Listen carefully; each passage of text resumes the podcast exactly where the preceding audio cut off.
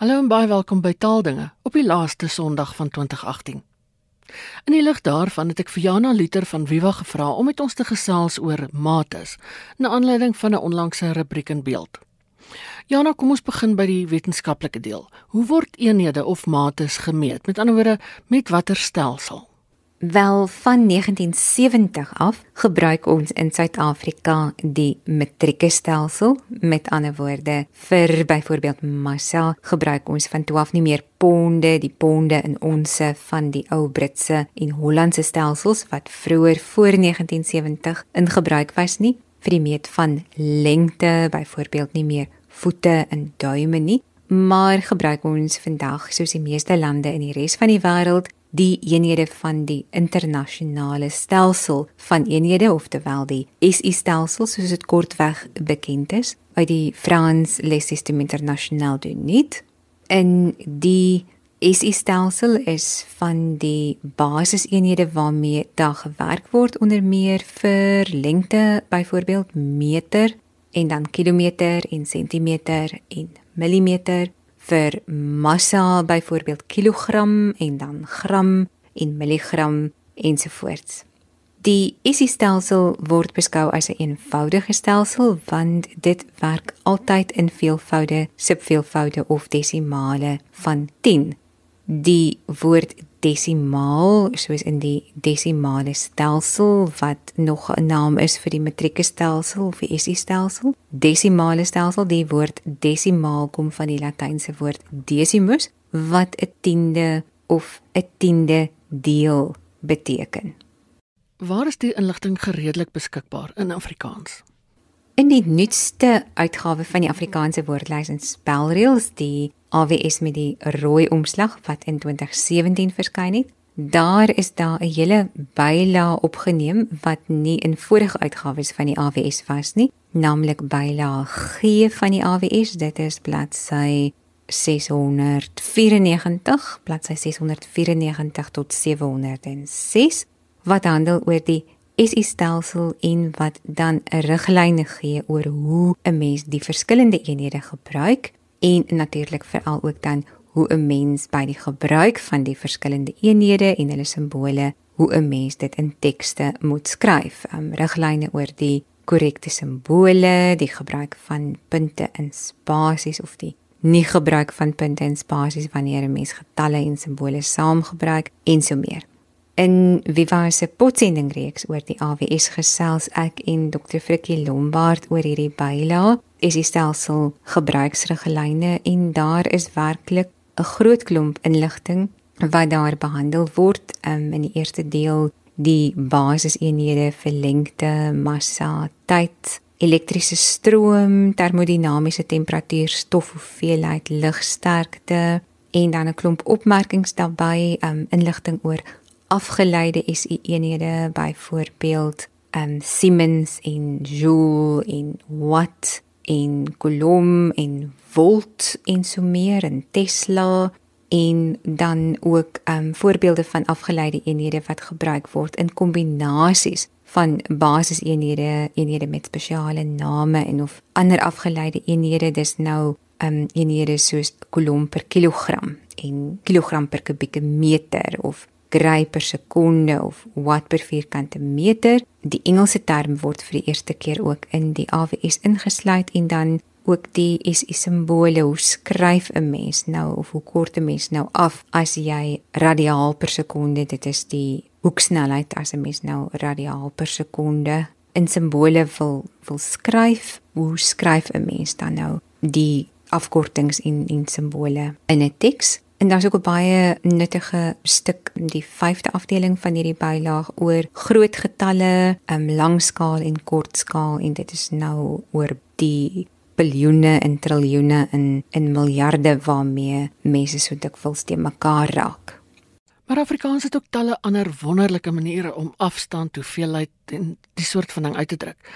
Veral kort afstande en klein hoeveelhede, min of bietjie of byna niks. Vertel ons bietjie meer daarvan.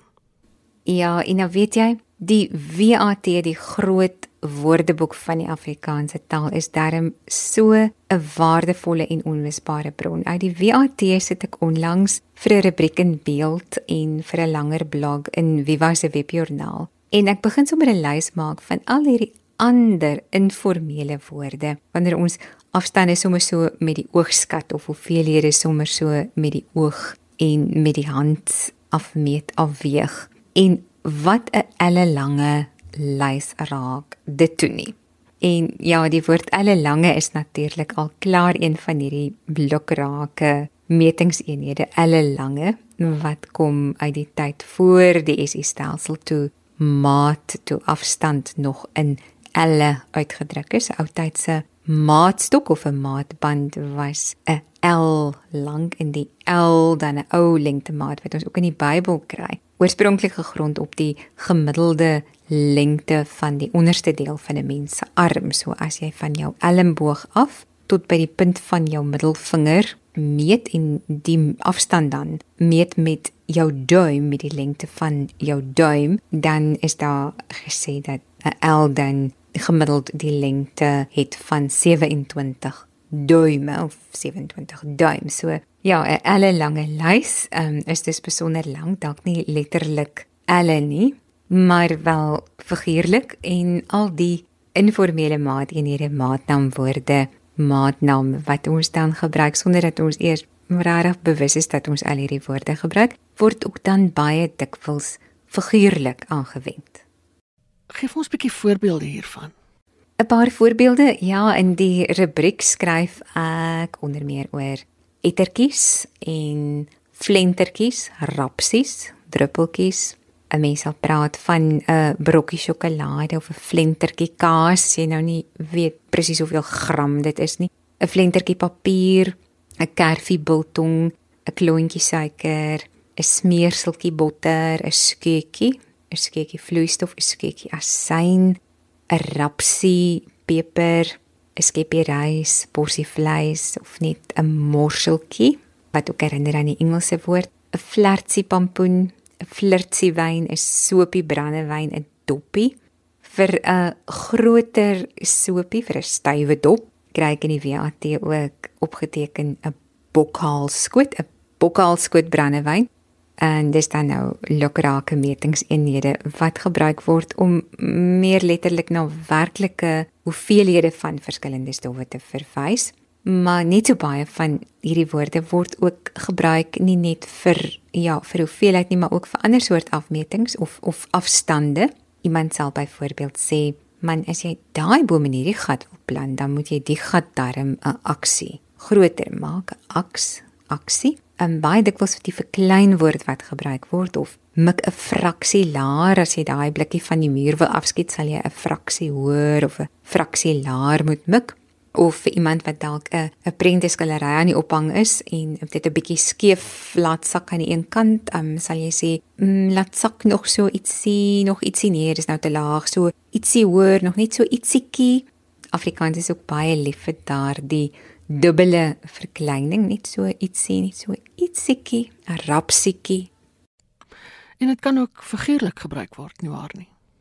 Ja, ek het genoem dat dieselfde woord dikwels gebruik word ook om figuurlik aan te dui byvoorbeeld tot watter mate iemand tot iets geneig is. Iemand is dalk net 'n akste nuuskierig of dalk net 'n akste streng. Mense wat oor sommige dinge nie 'n aks wil toegee nie aan die ander kant is dit dalk vir iemand wat aan die ontvangkant is van iemand wat nie wil toegee nie wat op sy of haar beurt weer dalk net 'n fraksie fermer kan wees. Bespeer ek 'n skiekie sien die agtigheid by jou? Was hy ernstig of het ek 'n rapsie spot gewaar? Wat ander van hom dink skiel hom nie 'n aks nie. Hy gee duidelik nie 'n flenter om wat mense van hom dink nie. En so aan. Ja, nou is die soort uitdrukkings of woorde um streeksgebonde. Ja, baie van hierdie maatnaamwoorde is streeksgebonde. Daar is wonderlike um streektaal opgeteken in die WAT. 'n Voorbeeld of twee uit hierdie lys vir 'n bietjie, klein bietjie, 'n titseltjie, 'n druppeltjie, 'n lekseltjie wat gewoonlik gebruik word om na 'n vloeibare stof, vloeistof te verwys. titseltjie, um, byvoorbeeld 'n titseltjie melk in jou koffie. Daar het die VAT opgeteken by Robertson en ook by Albertinia 'n ekkie. Wil jy melk in jou koffie? Ja, net so ekkie asseblief. En in Valharts praat die mense glo ook van 'n ettertjie, so ettertjie melk, net 'n ettertjie. Etter ettertjie natuurlik ook die verkleinwoord van etter wat verwys na die vog wat afgeskei word deur 'n wond of 'n verseerplek, 'n stukkende plek op 'n mens se vel. So as jy vir my vra of ek 'n ettertjie melk wil hê, gaan ek waarskynlik vir jou sê nee, wat dankie, ek drink my koffie swart. Wat vir my interessant is, is dat baie van die woorde terme is wat met kos verband hou baie kos soos ja, soos baie van ons oumas, tantes of ma's. Ek skaar my nou nie by hulle nie. Um maar soos baie mense net uit hulle koppe kan kook um, met 'n handjie vol hiervan, 'n handvol daarvan, grypie, 'n knypie, 'n knippie en daar's natuurlik 'n hoeveelheidsverskil. Grypie sout is meer as 'n knypie gimmer en 'n knypie gimmer is nou 'n bietjie meer dalk as 'n knippie peper. 'n lekseltjie stroop, 'n spoggie water en so aan. En dan is daar 'n katspoggie. Vertel ons bietjie meer waar dit vandaan kom. Ja, katspoggie sê die VAT kom dalk na aanleiding van die betrekkelike skaarsheid standaard van mondvog by 'n kat. So 'n kat se mondjie is maar taamlik droog, maar dit kan ook dalk verwys die katspoggie na die kort ploffende susgeluid wat 'n kat soms laat hoor wanneer ons sê die kat spoeg maak 'n spoeggeluidjie. En 'n katspoegie is dan net 'n klein bietjie 'n klein druppeltjie. As dit lyk of die kos gaan aandrand gooi net 'n katspoegie water by nie te veel nie net 'n katspoegie. En ja dieselfde woord katspoegie kan ook gebruik word nie net om na 'n geringe hoeveelheid van 'n vloeistof te verwys nie, maar dit kan ook dui op 'n baie kort afstand. Afstand. So mens kan sê hulle woon net 'n katsboegie van ons af. Hulle woon baie naby aan ons, maar die naby kan dan natuurlik stapafstand wees waarna die spreker verwys, maar dit kan ook ry afstand wees. En 'n mens sal dan maar moet aflei uit die spesifieke konteks waarin katsboegie gebruik word, hoe ver of hoe naby 'n katsboegie dan nou presies is van katte gepraat, is daar ook katitsi wat dieselfde beteken as 'n titeltjie of 'n titsie. En dan 'n mooi een vir my, 'n katspoortjie. Waar kom katspoortjie vandaan? Dit kom van die hoeveelheid van iets wat 'n mens met jou vingers kan optel as jy die vingers van jou hand bymekaar bring, dig bymekaar bring op 'n manier wat laat dink aan die potjie van 'n kat strooi so 'n katspoortjie meel oor die plank sodat die deeg nie vassit wanneer jy dit uitrol nie. So 'n katspoortjie is dan min of meer waarskynlik gelyk aan 'n grypie, maar bietjie meer nog as 'n knypie en 'n knypie is dan nou weer bietjie minder as 'n knypie. Nou die woord krieseltjie kan ook negatief gebruik word. Vertel ons bietjie in watter sin? Krieseltjie ja, 'n klomp van die maatnaamwoorde word um, dikwels gebruik ook wanneer um, in die negatief wanneer iets min raak, minder word aan die opraak is, soos krieseltjie. Iemand kan byvoorbeeld sê daar's nie meer 'n krieseltjie kos in hierdie huis nie, wanneer gaan ons winkel toe of die kinders het al die koekies geëet en vir ons nie 'n krummeltjie in die blik gelos nie. En wat sê mens as dan nou regtig niks meer oor is nie? As daar heeltemal niks oor is nie, ja, dan sê mens dis op of jy kan sê daar is sikkepit. So 'n mooi woord wat 'n mens vandag omtrent nie meer hoor nie. Ek dink ons kan hom gerus maar afstof. Daar is sikkepit hiervan, daarvan weet ek sikkepit. Sikkepit heeltemal niks meer nie. Ek moet sê ek ken die woord glad nie. Waar kom dit vandaan? Sikkepit sê die VAT kom van die Nederlandse woord sikkepitjie wat 'n klein bietjie beteken. En gaan kyk 'n mens dan in die Nederlandse etimologiebank, die versameling um, bronne oor die herkoms van van woorde in Nederlands, dan word daar verder gesê oor die herkoms van sikkepit dat dit onseker is, maar dis moontlik word daar gesê dat die sik deel na 'n bok kan verwys en die pit deel dan na die kutel van 'n bok. 'n Bolletjie mis dus op sy goeie plat Afrikaans 'n bokdrolletjie.